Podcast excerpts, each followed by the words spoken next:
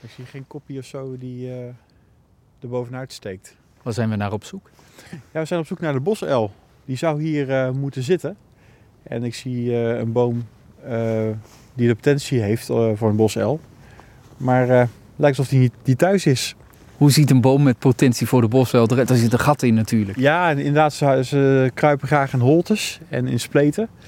En daar zitten ze veilig. En daar maken ze ook een, hun nest. Dus die boom is daar uitermate geschikt voor. Kunnen we dichterbij gaan kijken? Ja, hij zit er sowieso toch niet. Ja, nee, we kunnen even kijken of hij toch nog uh, thuis is. Want weet je zeker dat dit een goede boom is? Ja, ik zie uh, nog een aantal bomen die, die ook wel uh, in aanmerking komen. Maar ik denk toch dat het die boom moet zijn. Er zit een flink gat in ieder geval in. Pal boven een pad, dus ook voor wandelaars die het plekje kennen. Want er zijn hele trouwe vogels als het gaat om het plekje waar ze verblijven. Hè? Klopt inderdaad, die blijven vaak jarenlang op dezelfde locatie uh, zitten. Dus ze zijn wel echt wel honkvast. Ja. Nu combineren wij vandaag uh, de bosuil met de raven waar we net vandaan komen. En die zijn alle twee heel erg vroeg met het broeden. Heb jij enig idee waarom zij zo vroeg zijn in, in het jaar? Um, nou, omdat uh, de bosuil bijvoorbeeld begint in december al met, uh, met balsen, met paringsgedrag. Uh, waardoor je al in de, in de februari al ja, jongen, of dat ze op het nest kunnen gaan zitten. Ja. En de raaf doet ook, ja, misschien toch ook wel dat ze zo'n voorsprong hebben op de andere vogels die, die, die er zitten. Want dan betekent dat dat uh, zeg de jonge uilen en de jonge raven, die uh, over een aantal weken al geboren worden, die zijn dan al vliegvlug en die kunnen al een beetje voor zichzelf zorgen.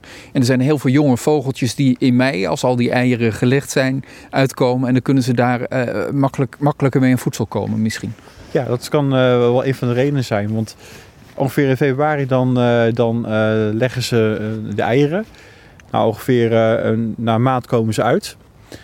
En dan blijven vaak de, de jongen nog, uh, die blijven al 31 dagen ongeveer blijven ze bij het nest. En dan gaan ze al op uh, onderzoek uit. En dan krijg je naar die bekende uh, takkelingen. Ja, ja, precies. Een bekende term, maar ook een heel gaaf gezicht als je die jonge eltjes zo op een tak ziet zitten. Ja, dat is echt heel aandoenlijk ook en heel schattig. Um, vaak hoor je ook wel dat mensen die nemen ze dan mee of die denken dat ze alleen gelaten zijn. Uh, terwijl de moeder vaak in de buurt is. Dus uh, mocht je de wel aantreffen, ergens ook op de grond, uh, blijf er liever uit de buurt. Want vaak is moeders toch in de buurt om weer naar het jong toe te komen. Ja, belangrijke tip. Niet aanzitten. Net als jonge reetjes. Hetzelfde als je die vindt in het veld. Straks later in het seizoen hetzelfde. Laat ze met rust. Exact, inderdaad. Want vaak is moeders in de buurt en die komt terug. Maar niet als ze worden meegenomen of worden verstoord. Ja. Dan werden we net ingehaald door een hardloper. Het is bijna knap. Ik had het idee, wij staan stil en nog bijna hadden we die meneer in. Zo hard ging hij. Ja, inderdaad. Niet dus. Ja. hij ging heel langzaam. Maar goed, hij is er wel mooie tijd bij. Laten we eens kijken dan. Hè? Want uh, daar, die hele grote spleet in die boom, dat lijkt hem niet te zijn. Nee. Of hij is niet thuis, dat kan natuurlijk ook. Nee, het uh, lijkt erop dat hij niet thuis is. Uh, vaak dan zit hij hier wel. En dan uh, zit hij rustig naar beneden te koekeloeren. En heel veel mensen zien hem ook.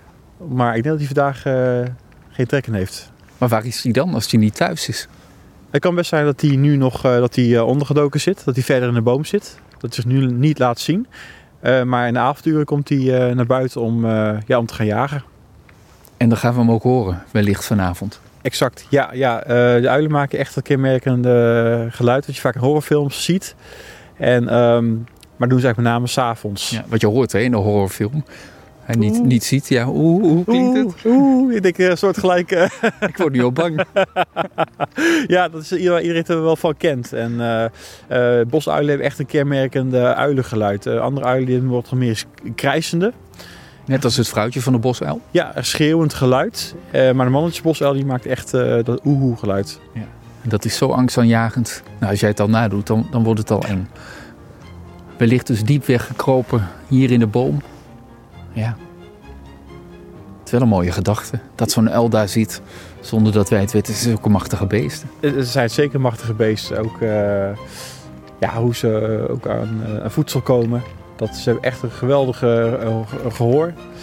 En, en zicht. Dus ze kunnen echt zo een muisje spotten. En die staan ook op het menu. Het zit erop. Ik dank je wel voor een mooie ochtend. Ik heb genoten. Graag gedaan.